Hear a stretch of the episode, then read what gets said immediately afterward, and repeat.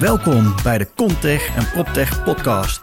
Inmiddels hebben we 100 plus afleveringen voor je klaarstaan op Spotify, iTunes en SoundCloud. Deze podcast is speciaal voor bouw- en vastgoedprofessionals die meer willen weten over vernieuwing, innovatie en technologie. Ik praat met leden en niet-leden over ESG, net zero buildings, bouwen met hout, digitalisering, smart and healthy buildings, duurzaamheid, enzovoort, enzovoort, enzovoort. Alles over vernieuwing in bouw en vastgoed. Mijn naam is Wouter Truffino. Luister je mee? Vandaag zitten we met Felix van der Horst van Clarify. Welkom Felix. Goedemiddag Wouter. Goed hier te zijn. Ja, leuk dat je in het clubhuis bent. Uiteraard. Ja. Mooi oranje hier op de muur. Ja, tuurlijk. alles oranje. Nee, niet alles is oranje, maar er is wel veel oranje. Hier oranje hoesje van de telefoon. Thuis is alles oranje. Mijn kinderen die worden er af en toe helemaal gek van. maar bij jou niet, hoop ik, toch? Nee, ik, uh, ik, hou, ik, ik, hou wat meer van groen. Dus wat, uh, wat meer planten eromheen. Dat, uh, ja, dat Heel goed. We goed. Volgens mij gaan we het daar ook uitgebreid over hebben. Over gezonde omgevingen en om die te creëren, toch? Inderdaad. Uiteindelijk wel. Maar eerst willen we natuurlijk een, een beetje wat meer over Felix weten. Over jouzelf. waar ben je opgegroeid? Ik uh, kom oorspronkelijk uit Hilversum, geboren en getogen daar. Dus uh, ja, niet al te ver van Amsterdam. Uh, leuke familie. Ik ben jongere broer, ouders happy. En ja, eigenlijk ben ik vroeger als kind altijd heel erg creatief geweest. Vrij spraakzaam ook. Dat zit er nog steeds wel een beetje in. Heel goed. En ehm, ja, ik, ik, ja, ik wilde eigenlijk van kinds af aan eigenlijk al iets doen. En ben altijd druk in de weer geweest met dingen bouwen. Als je het hebt over Lego, Kinex. Maar ook om dingen te tekenen, te schilderen. De, ja, de verbeeldingskracht die was altijd heel erg groot. En eigenlijk wilde ik het liefst als kind ook bijvoorbeeld uitvinder worden. Dingen maken. Dingen maken. Doen. Ja, impact maken. Heel cool, heel cool. Maar dat had je als kind zijnde. Maar, en, en, en later, zeg maar. Hoe ben je dat daadwerkelijk in de uitvoering gaan brengen? Ook in je studietijd? Ja, in mijn studietijd is dat eigenlijk ook al uh, enigszins naar voren gekomen. Um, in de eerste instantie wilde ik eigenlijk uh, helemaal niet uh, iets doen met, met ondernemerschap. Ik wilde een autodesigner worden toen ik 16 was. Want dat leek mij gewoon ontzettend gaaf. Maar de natuurkundeleraar die ik destijds op de middelbare school had, die viel een beetje tegen. Dus de passie om zeg maar, die kennis op te doen, die hebte wat weg. ja. Waardoor uiteindelijk ook steeds verder het industrieel ontwerpen uit mijn beeld wegdreef. Um, maar ja, eigenlijk sprak, uh, sprak duurzaamheid me heel erg aan toen ik uh, Future Planet Studies ging studeren aan de Universiteit van Amsterdam. En dat is dan typisch zo'n naam waarbij je kan denken van goh, Wat kijk je dan, dan, de hele dag naar Mars en andere planeten, zeg maar. Ja. Maar het gaat veel meer over de transitie van juist de aarde en hoe we nu omgaan met de problematiek omtrent klimaatverandering en eigenlijk de weg um, naar duurzaamheid proberen te bewandelen en wat daar ja, aan te pas komt.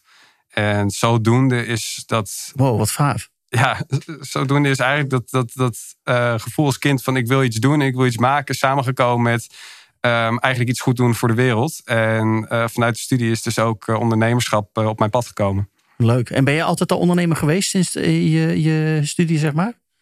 Ja. Of wat heb je daarna gedaan? Ja, ik, ik, ik, ik was eigenlijk uh, in de veronderstelling dat ik niet alleen academische kennis wilde opdoen, die heel erg over milieukunde ging, aardwetenschappen, programmeren, maar ook de sociale vaardigheden wilde opdoen. En ik heb bijvoorbeeld ook salesbijbaantjes gehad, waarbij ik uh, kranten heb verkocht aan, op de straat, duurzame energie heb verkocht aan de deur. Ik wilde mensen begrijpen, ik wilde snappen hoe de wereld werkt en het spelletje aangaan in die zin. En um, eigenlijk is ook zodoende het idee ontstaan om een, een minor destijds te volgen in uh, ondernemerschap aan de UvA. En ja, daar ben ik een van mijn compagnons destijds tegen het lijf gelopen. En uh, toen is Clarify eigenlijk uh, begonnen. Heel cool, heel cool. Nou, als mensen het horen, af en toe gaat er een klikje. En dan uh, betekent dat we in een slim gebouw zitten. Dan gaat hier de verlichting uit. Dan zitten wij te stil. dus we moeten ook hier een beetje bij bewegen. hey, maar je begint dus van autodesigner, wat je wilde worden. Hoe kom je dan die vastgoedwereld in? Want dat is nog wel even een andere wereld. Ja, dat is zeker een andere wereld. Um, ik denk dat uh, zowel voor jou als voor de mensen die luisteren het uh, absoluut wel een keer heeft uh, voorgedaan dat je ergens een ruimte binnenkomt en dat je echt ongelooflijk duf voelt of hoofdpijn krijgt en eigenlijk ja, er helemaal niet meer bij bent. En toevalligerwijs was dit voor mij het geval in mijn allereerste college wat ik had op de UvA. En dat was op het Science Park in een nieuwbouwcampus gedeelte. Waarbij ja. ze geen ventilatiesysteem hadden geïnstalleerd in de ruimte. Hoe dan?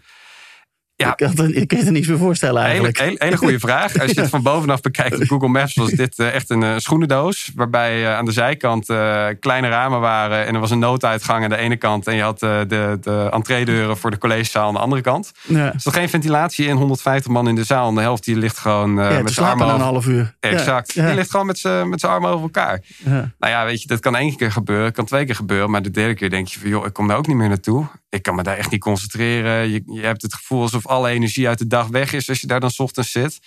Ja, en een jaar later was eigenlijk ehm, het tegenovergestelde aan de hand. Waar mensen dus eerst in slaap vielen, niet opkwamen dagen. En eigenlijk gewoon dus ook onwijs slecht presteerden op tentamens dan aan het einde van zo'n blok. Ehm, was de interactie veel beter. Zaten mensen ehm, in de bank op te letten. En zag je dus ook dat de resultaten veel beter waren aan het einde van hetzelfde blok. En stond toevallig, het was door dezelfde professor het vak gegeven. En het was een vervolgvak op precies dat vak het jaar ervoor. Oh, dus je had de perfecte marketing-wise A-B-vergelijking om te zien van hoe het dus ook anders en beter kan. En wat was nou het grote verschil? Ze hadden een ventilatiesysteem geïnstalleerd in die ruimte. Ja, en toen was het wel even van wacht even. Um, hoe kan het zo zijn dat lucht dus zo'n kritieke impact heeft op ons dagelijks functioneren? En toen een half jaar later kwam ik mijn collega Tibor Kastelein tegen het lijf. Die begon hierover te praten naar aanleiding van onderzoeken die hij had gezien uit de wetenschappelijke hoek. Ja, en zo begon eigenlijk eh, het lampje te branden. En uh, wilden wij heel graag iets gaan doen op dit vlak. Heel gaaf. Daar gaan we het straks uitgebreid over hebben. Maar voordat je uh, Clarify bent gestart met dit, dit verhaal, ehm, toen je klein was, wie was jouw jeugdidool? Was dat dan ook een autofabrikant à la Ferrari, Mercedes, BMW-achtig iets?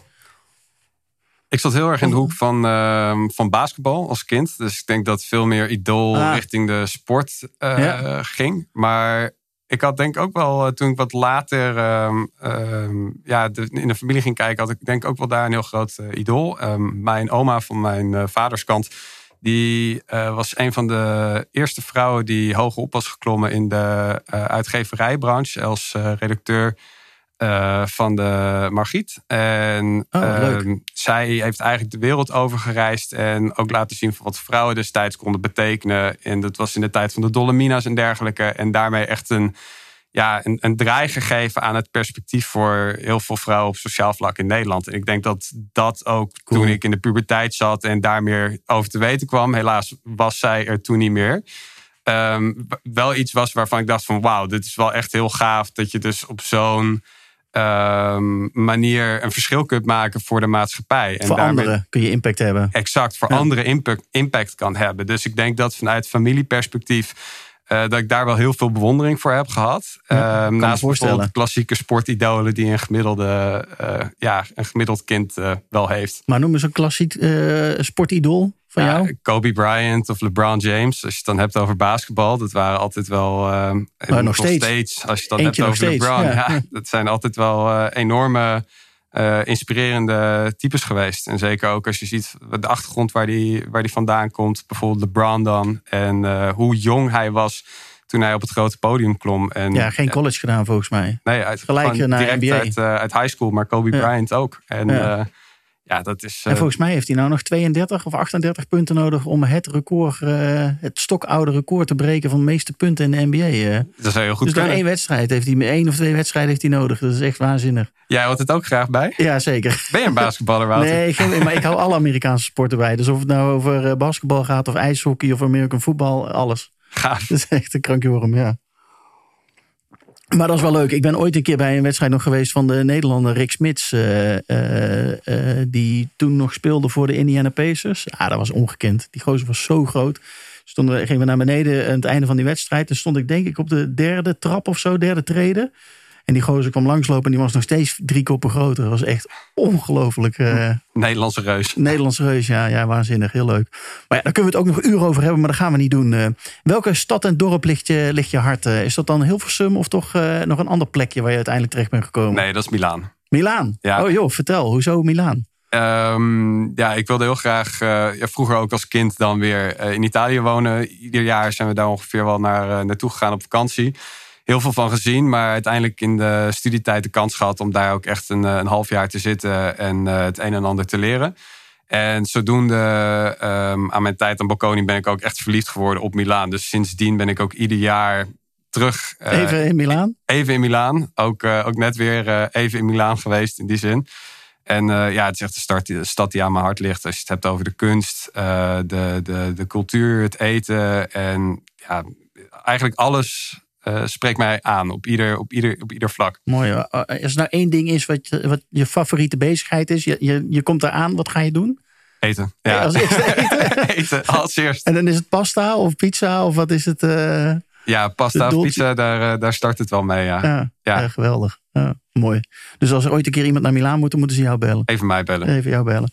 Hey, ben je een binnen, buitenmens? Buiten wel, ja. ja. Ook vanwege dat groen en de aarde en de Absoluut. De studie? Absoluut. Dus zo'n stedentrip, die combineer ik het liefst met uh, even de natuur opzoeken. En dan wederom, Milaan ligt heel mooi dicht bij de bergen, uh, uiteraard. Leuk. En ben je liever aan het werk of liever vrij? Dat is altijd een ingewikkelde vraag aan een ondernemer. Ja, het, uh, dat is een hele goede vraag. Want wat start uit passie wordt werk. Tenminste, dat is bij mij het geval geweest. Dus ik denk dat, dat ik wel heel erg veel um, waarde hecht aan wat ik doe. Ik denk dat uh, mijn werk me heel veel brengt. Als je het hebt over um, geluk en energie. Ik denk dat dat voor mij de meest bepalende factor is geweest. Waardoor ik in het begin ook uh, echt ben gestart met ondernemen. Ik wilde kijken van, goh, is dit iets wat mij aan het hart ligt? Of is het juist iets uh, wat mij helemaal niets brengt? En ja, als je dan vijf dagen per week bezig bent, dan wel meer nog wel als, als ondernemer, dan doe je dat het liefst natuurlijk voor iets dat je energie brengt. en, zeker. Uh, ja, ik denk dat, uh, dat over het algemeen dat ik het liefst aan het werk ben. Maar als ik dan echt een break neem van, uh, van werk, dan kan ik dat ook onwijs waarderen. Dus het, het, gaat in, in fases. Kun je dat goed? Want ik heb daar best wel moeite mee persoonlijk. Om dan de telefoon aan de kant te leggen, het laptopje aan de kant. Ook tijdens vakanties. Oh man, ik, ben, ik heb daar heel veel moeite mee. Maar eigenlijk behalve als ik ga skiën. Dan, dan is alles weg. En dan is het een weekje echt even niks. Uh, ja, Teams gaat eraf. Teams ja? gaat eraf. CRM gaat eraf. Uh, mail gaat op stil. Um, ah, goed zo, heel ja, knap. Chats op WhatsApp stil. Het probeert wel echt uh, daar echt voor af te sluiten. Want anders, anders lukt het ook niet. En nee. heeft ook eigenlijk geen effect. Cool, heel knap. Kan ik nog wat van je leren. Hey, voordat we um, um, over natuurlijk uh, Cleverfy gaan, uh, gaan hebben, laatste persoonlijke vraag. Waarom, waarom uh, ben je zo betrokken bij wat jullie doen? Want dat de verhaal heb je natuurlijk net al een beetje, een beetje verteld. Um, maar kun je daar even, nog even wat over toe, toelichten? Ja, het... Want hoe, hoe ben je begonnen? Jij bent met een founder ook begonnen. Zit hij er op dezelfde manier in zoals jij? ja, ja, absoluut. Zijn jullie met z'n tweeën, met z'n drieën? We zijn met, uh, met z'n drieën. Maar het, het, het, idee is, ja, het, het, idee is dus echt ontstaan vanuit uh, persoonlijke ervaringen. Niet alleen toen in de collegebank aan de UvA, maar ook in andere bijbaantjes die ik had in een monumentaal pand uh, in het centrum van Amsterdam, waarbij de koffie niet aan te slepen is. En je dan nou ja, aan het bellen bent en je ziet gewoon iedereen ja, gapend achterover zitten. Nou ja, in die zin uh, heb ik het gevoel van dat ik hiermee echt kan bijdragen aan het werkgeluk dat mensen dus ook hebben op een dag. Of de ervaring die ze dus hebben op het moment dat ze naar een gebouw toe gaan. En uh, vanuit persoonlijke motivatie is het dus ook echt uh, op die manier gestart. En daar staan mijn uh, collega's hetzelfde in. Dus ehm, ja, dat is, dat is wel echt een gemene delen. Leuk. Kun je wat vertellen over Clarify? Hoeveel mensen zijn jullie? Waar zit jullie kantoor? hoe werkt dat? Ja, Clarify zit gedeeltelijk in het Olsten. Wij uh, hebben Hoe namelijk. Kom je daar weer terecht? nou ja, als je twee collega's hebt uh, die uit Enschede en, en Almelo van oorsprong komen, dan uh, ah, ja. is er eentje die, die nooit is weggegaan. Dus eigenlijk is, is dat. Is en die dat is ook niet weg te krijgen, waarschijnlijk? Die is ook niet weg te krijgen, absoluut niet. Die vindt daar veel te mooi, veel te leuk. En ja, het is ook wel een hele mooie groene omgeving als je daar zo nu en dan naartoe gaat. Ja. Um, ja, en, uh, dus en daar hebben jullie kantoor? Daar hebben wij kantoor in, uh, in, in Enschede. En daarnaast zitten we hier ook in, uh, in Amsterdam. Ja. Mooi. En uh, hoe is jullie teamopbouw? Heb je veel uh, mensen die aan het developen zijn of uh, de sensor aan het ontwikkelen zijn? Of hoe, is, hoe is jullie opbouw? Ja, van origine zijn we denk ik alle drie wel een beetje nerdy.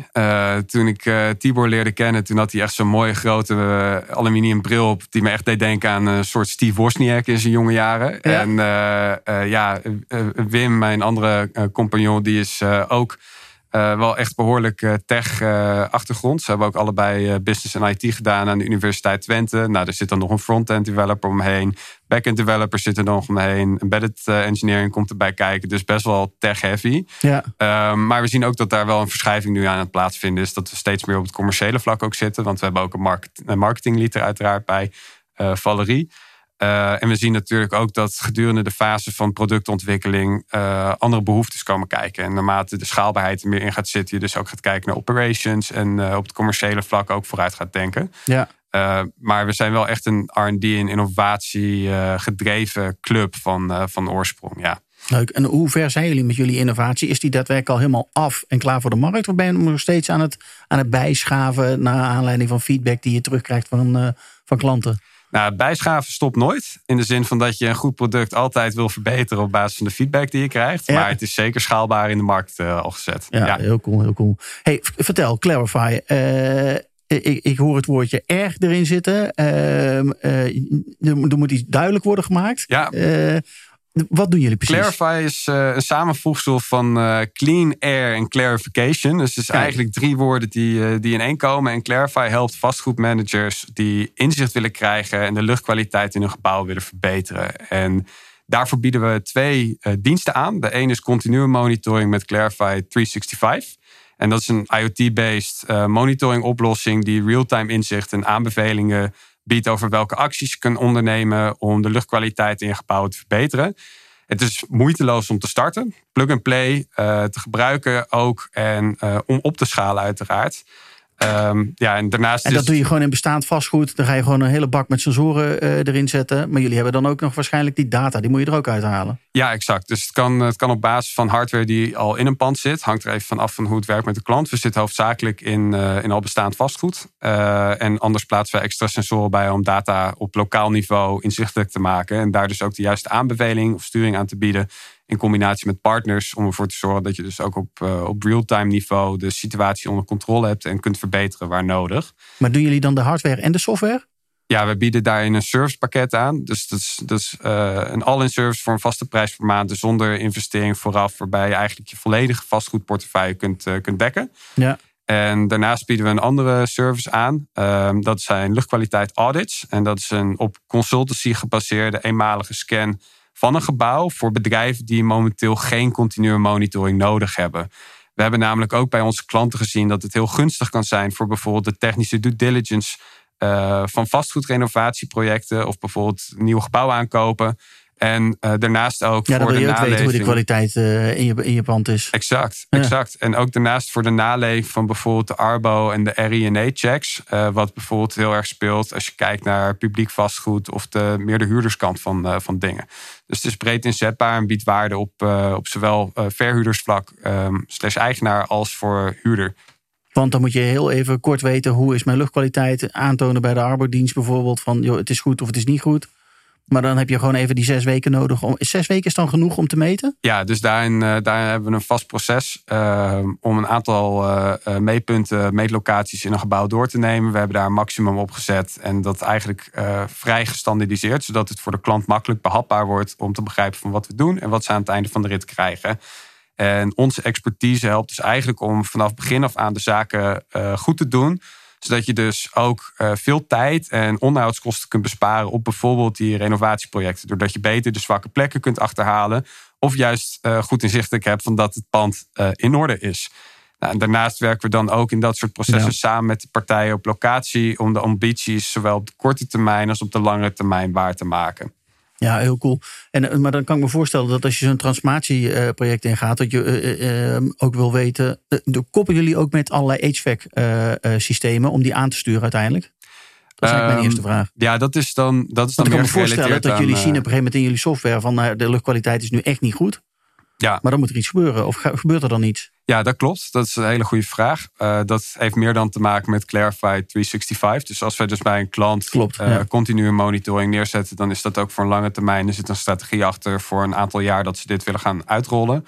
En vaak zijn dat dan ook fases die uh, stapsgewijs plaatsvinden. Waarbij het start als een end solution, of point solution beter, beter geschreven, omschreven. En eigenlijk steeds meer toegroeit naar een geïntegreerde oplossing. Want heel vaak zie je bij partijen dat, uh, dat je dat eigenlijk uh, in een lijntje kunt doortrekken. Waarbij ze starten van, goh, we moeten een keer iets gaan meten of we willen inzicht hebben.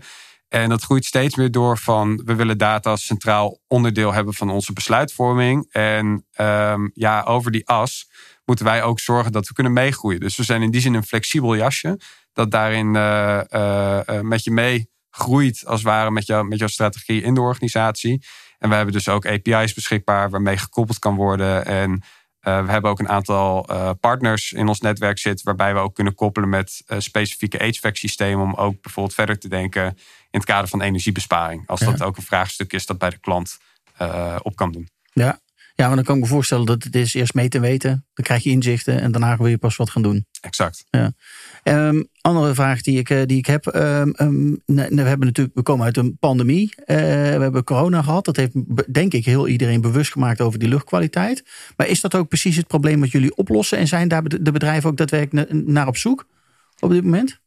Ja, dat, uh, dat is een hele goede vraag. De problemen die we oplossen, die kunnen best wel uiteenlopen afhankelijk van wie je spreekt. Vaak is het eerste punt wat we toch wel tegenkomen, is gebrek aan inzicht. En dat er bijvoorbeeld heel veel klachten zijn die gerelateerd worden of aan thermisch comfort of aan uh, luchtkwaliteit slash ventilatiesysteem. Uh, Covid heeft er wel voor gezorgd dat partijen steeds meer bewuster zijn, zowel vanuit de huurderskant als de verhuurderskant. waarbij ook veel intrinsieke vraag naar voren is gekomen. Ja, en dan willen ze inzichten krijgen in hoe die luchtkwaliteit eh, is. En waar lopen ze tegenaan als ze met jullie aan de slag uh, gaan? Ja, eigenlijk. Want, want, hoe snel krijg ik mijn resultaten? Hoe, hoe gaat zoiets in. Uh, nou. Ja, dat eigenlijk um, over het algemeen zijn we heel makkelijk om, om te installeren. Wat ik net al zei, het is, het is plug and play. We denken met je mee, het is een oplossing die we heel snel kunnen uitrollen. Dus als jij vandaag tekent, dan hebben we morgen al een idee van hoe we dat gaan implementeren. Uh, vaak is het meer van dat we moeten wachten op de klant. Dus uh, waar we tegenaan lopen kan nog wel zijn uh, eh, IT-compliance of onboardingprocessen, afhankelijk met wie je spreekt. Bij een corporate is dat natuurlijk heel anders dan bij een MKB-bedrijf die een paar dingen ja. geïnstalleerd wil hebben. En waarbij het vandaag nog besloten kan worden. Dus ja, vaak is het meer dat wij op het tempo van de klant mee moeten gaan dan dat, het, dan dat zij echt op ons moeten wachten. En dan heb ik op een gegeven moment heb ik alles geïnstalleerd. hoe snel krijg ik dan resultaten? Direct. Ja, dus de, Direct, dus, uh, het is gewoon plug-and-play, stekker in stopcontact. Op het moment dat, uh, dat datapunten zichtbaar zijn in de app... of je naam hebt toegekend aan een bepaald device dat ergens wordt, wordt opgehangen... Dan, dan heb jij het al in je dashboard staan, in principe. Mooi. Dan heb je net al een beetje toegelicht jullie typische klanten voor die twee producten die je hebt. Maar zou je dat nog wel meer kunnen, kunnen toelichten? Met wat voor partijen werk je het liefst samen?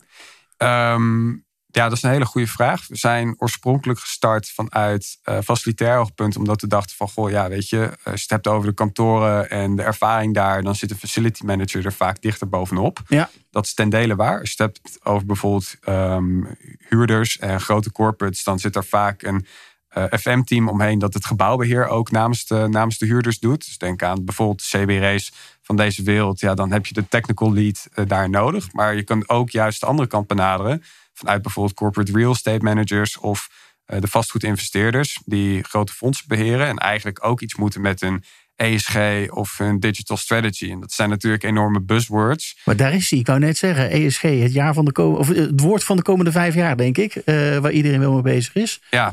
Hoe, hoe kijk jij naar ESG en wat, zou, wat kunnen jullie daarop doen op ESG? Ja, ik, ik, uh, hoe ik kijk naar ESG is misschien een beetje een, uh, een, een hot take, om het zo maar te zeggen. Ik, eh, ik vind het best wel een buzzword. En waar ook veel uh, huiverigheid eigenlijk bij komt kijken. Want het is heel makkelijk om na te gaan van... goh, hoeveel kilowattuur per vierkante meter hebben we nou in zo'n pand zitten? En uh, daar kan je heel makkelijk een sommetje op maken. Maar dat bevat slechts de, de E. En als je het gaat hebben over certificeringen en dergelijke... ja, daar kan je ook punten opleveren, maar Ehm, als je gaat kijken naar GRASP, dan heb je het heel erg over bijvoorbeeld policies. Ja, weet je, policies schrijven, dat is, dat is één ding voor je governance. Maar gaat dat in het dagelijks leven ook uh, zo'n groot verschil maken? Daar kan ik nog wel eens een vraagteken bij zetten. Van wat is dan de impact? De echte impact. Ja, en wij zitten dus veel meer op de S, waar ook een invulling aan moet worden gegeven. En er komt nu ook wel wat meer body omheen, ook vanuit de huurderskant met de Corporate Sustainability Reporting Directive, waar uh, waar je wat mee moet. Maar ook uh, met de EU taxonomy zit natuurlijk best wel wat raakvlakken om daar wat mee te doen. En wij proberen eigenlijk daarin uh, die stap, die brug te maken tussen de E en de S. Omdat de data die wij genereren heel veel zegt over wat voor kwaliteit vastgoed jij kunt bieden aan je klanten. aan je huurders, dan wel van wat de stappen zijn die nodig zijn om daartoe te komen. En dan zit je al vaak op een automatiseringsvlak. Ja. Waarbij ook het stukje energie met regelmaat om de hoek komt kijken. En um, ja, daar, uh, daarom denk ik dat, dat ESG best wel um, ja, best, wel, best wel een gevoelig onderwerp kan zijn. waarbij het nog wel eens lastig kan zijn om een bepaalde stap te ondernemen. En we leunen dus nu ook al tien jaar op het, op het, op het kwantificeren van die E. Maar we moeten toch die stap verder zetten om dus weer het onderscheid te maken tussen het, het vastgoed wat voorop loopt. Ik bedoel, de BREAM-standaard is nu een standaard geworden in de, in de markt. Ja. Uh, wat gaat het volgende punt zijn waarop jij het onderscheid gaat maken richting jouw uh, huurders? En dan voornamelijk in de kantorensector die al zo onder druk staat. En wat, uh, wat, wat is dan het onderscheid wat jou betreft? Nou, dat, waar, ja, waar ik dan. Is dat, is dat luchtkwaliteit? ja, dat zou een onderdeel natuurlijk moeten zijn. Van, ja, de, van de belevenisfactor nee, is dat absoluut een onderdeel. Maar ja. ik zou niet zeggen van dat dat het enige onderdeel is waarop je een verschil kunt maken. Maar wat je wel ziet als je het bijvoorbeeld vergelijkt van hoe is de markt in Nederland nu ten opzichte van andere plekken op de wereld, dan zie je dat er wel meer een verschuiving plaatsvindt naar veel uh, beter uh, inspelen op die relatie met, uh, met de huurder. En zorgen dat dus dat ook die comfortniveaus en die ervaring in die panden verder omhoog gaat. En Engeland is daar een heel goed voorbeeld van. Als je bijvoorbeeld kijkt naar de WELL-standaard. Um, ja, en dan kijkt van hoeveel certificeringen er zijn in Engeland ten opzichte van de Nederland, dan is het ongeveer tienvoud, geloof ik. Ongekend. Ja, um, ja er, er kan natuurlijk ook aan andere dingen liggen van dat niet iedereen het hier de moeite waard vindt om een stickertje erop te plakken. Maar blijkbaar speelt het daar dus wel Veel meer, meer. ja. En is er waarschijnlijk ook een verwachting vanuit een bepaalde categorie huurders die de premium wil betalen. Om uh, dat ook kenbaar te maken en actief te kunnen communiceren richting, uh, richting hun eigen personeel. Dus ja, je ziet daar wel een verschuiving in optreden. Ja, mooi. Hey, um, andere vraag die ik, die ik aan je heb. Want je noemt een aantal dingen die jullie uh, kunnen doen. Maar jullie hebben ook al heel veel gedaan, daadwerkelijk. Kun je uh, uit wat case studies of wat projecten die jullie hebben lopen, wat voorbeelden benoemen? Hoe dat dan in zijn, nou ja, hoe dat in zijn werk gaat, zeg maar? Ja, dat, dat kan de effecten die je haalt? Ja, dat kan uiteraard. Uh, bepaalde punten die we bijvoorbeeld hebben gezien bij klanten waar uh, nog helemaal geen inzicht was in zo'n pand, is dat ze veel meer controle krijgen op de huidige situatie. Dan grijp ik toch even terug naar bijvoorbeeld COVID, waarbij, uh, waarbij we voor een grote. ja, weet je, ja, voor, waarbij we voor een grote corporate samen met CBRE hebben samengewerkt. En eigenlijk op de campus veel meer inzicht hebben gegeven met, met sensordata en, ja, en, en real-time um, inzicht, wat voor directe besparingen heeft gezorgd op um, uh, zowel tijd als onderhoud, uh, als dat het ook heeft bijgedragen aan bijvoorbeeld um, ja, energieverspilling inzichtelijk maken. Uh, dit was in een casus waar een klant geen gebouwbeheersysteem had op, op een campus van zo'n 30, 40.000 vierkante meter uit mijn hoofd. Ja. en ja. ja, in, in de pilotfase daarvan is het eigenlijk al vrij snel duidelijk geworden dat we zo'n 64 procent um, op de onderhoudskosten zouden kunnen besparen met, uh, van de HVAC. Als je Clarify installeert en dat weet te combineren met je, met je gebouwbeheersysteem. Omdat je dus real-time uh, op locatieniveau inzicht hebt van wat er goed en fout gaat. En daar veel makkelijker en sneller op kunt acteren. Wat gewoon bespaart in je tickets en tijd van eigen personeel. En uh, van externe partijen die je erbij moet betrekken. Dus het maakt het hele proces veel efficiënter. Nou, een ander voorbeeld wat ik je kan geven is dat we ervoor hebben gezorgd, bijvoorbeeld op de Universiteit van Amsterdam, dat ze veel beter overzicht hebben in de gebouwen die, uh, die zij in beheer hebben. En dat, ja, dan praat je over zo'n 300.000 vierkante meter aan vastgoed voor de UVA. En vergelijkbare uh, omvang vierkante meters ook voor de Hogeschool van Amsterdam, waar ze onze sensoren hebben. Waarop ze uh, de sensoren ook konden plaatsen in ruimtes waar veel klachten waren of waar veel onzekerheid was.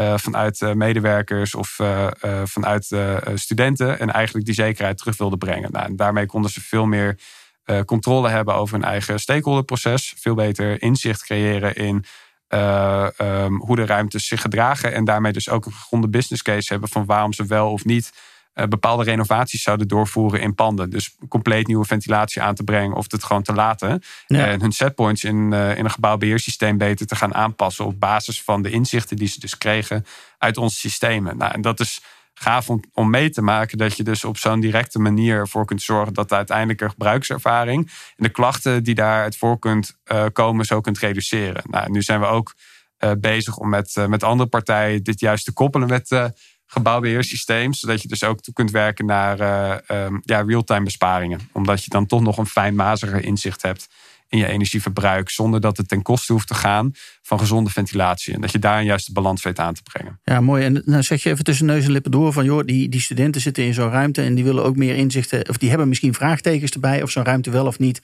uh, uh, goede luchtkwaliteit heeft. Hoe maken jullie dat dan inzichtelijk? Moet ik me dat dan voorstellen dat er een iPadje aan de muur ook hangt waar je die data kan zien? Of kunnen ze die zien op een, op een, op een iPhone of ergens? Hoe, hoe kunnen zij zien wat de waarden zijn?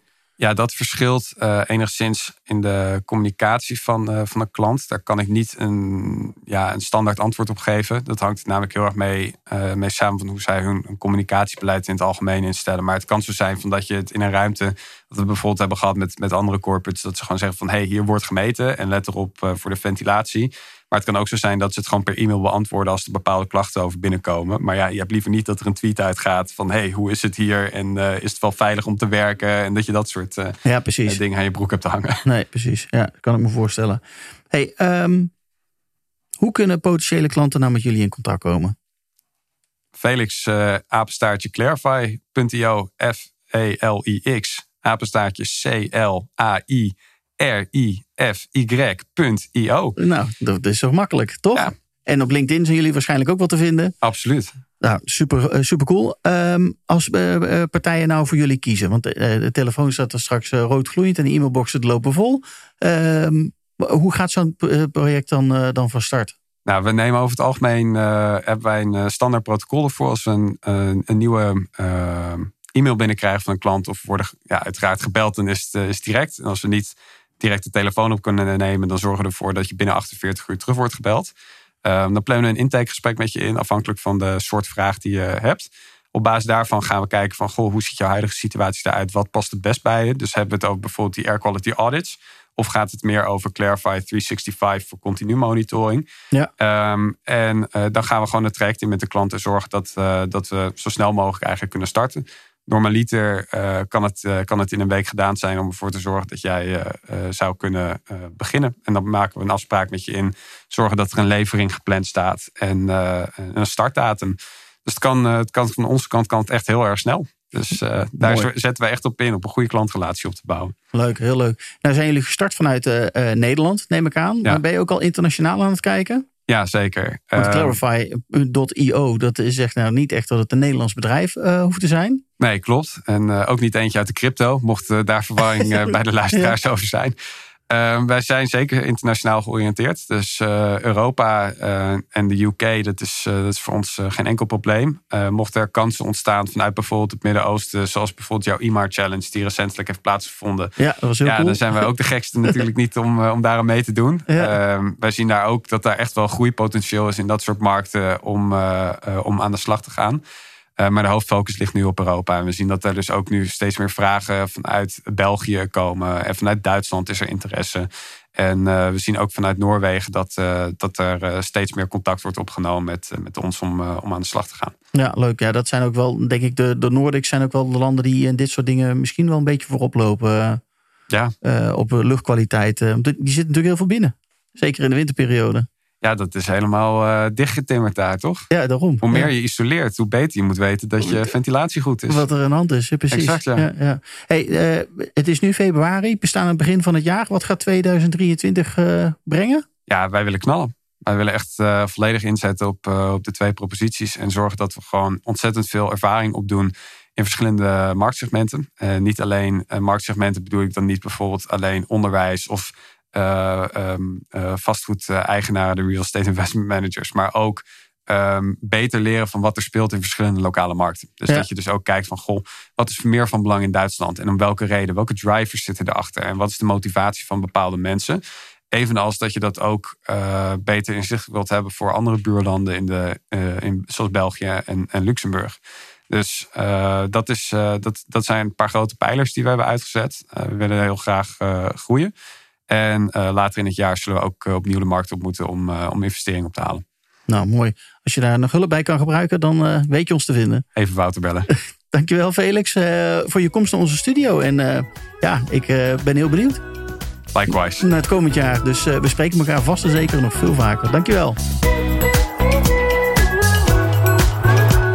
Dankjewel voor het luisteren naar deze aflevering van de Contech en PropTech podcast. Ik hoop dat je andere afleveringen ook gaat luisteren.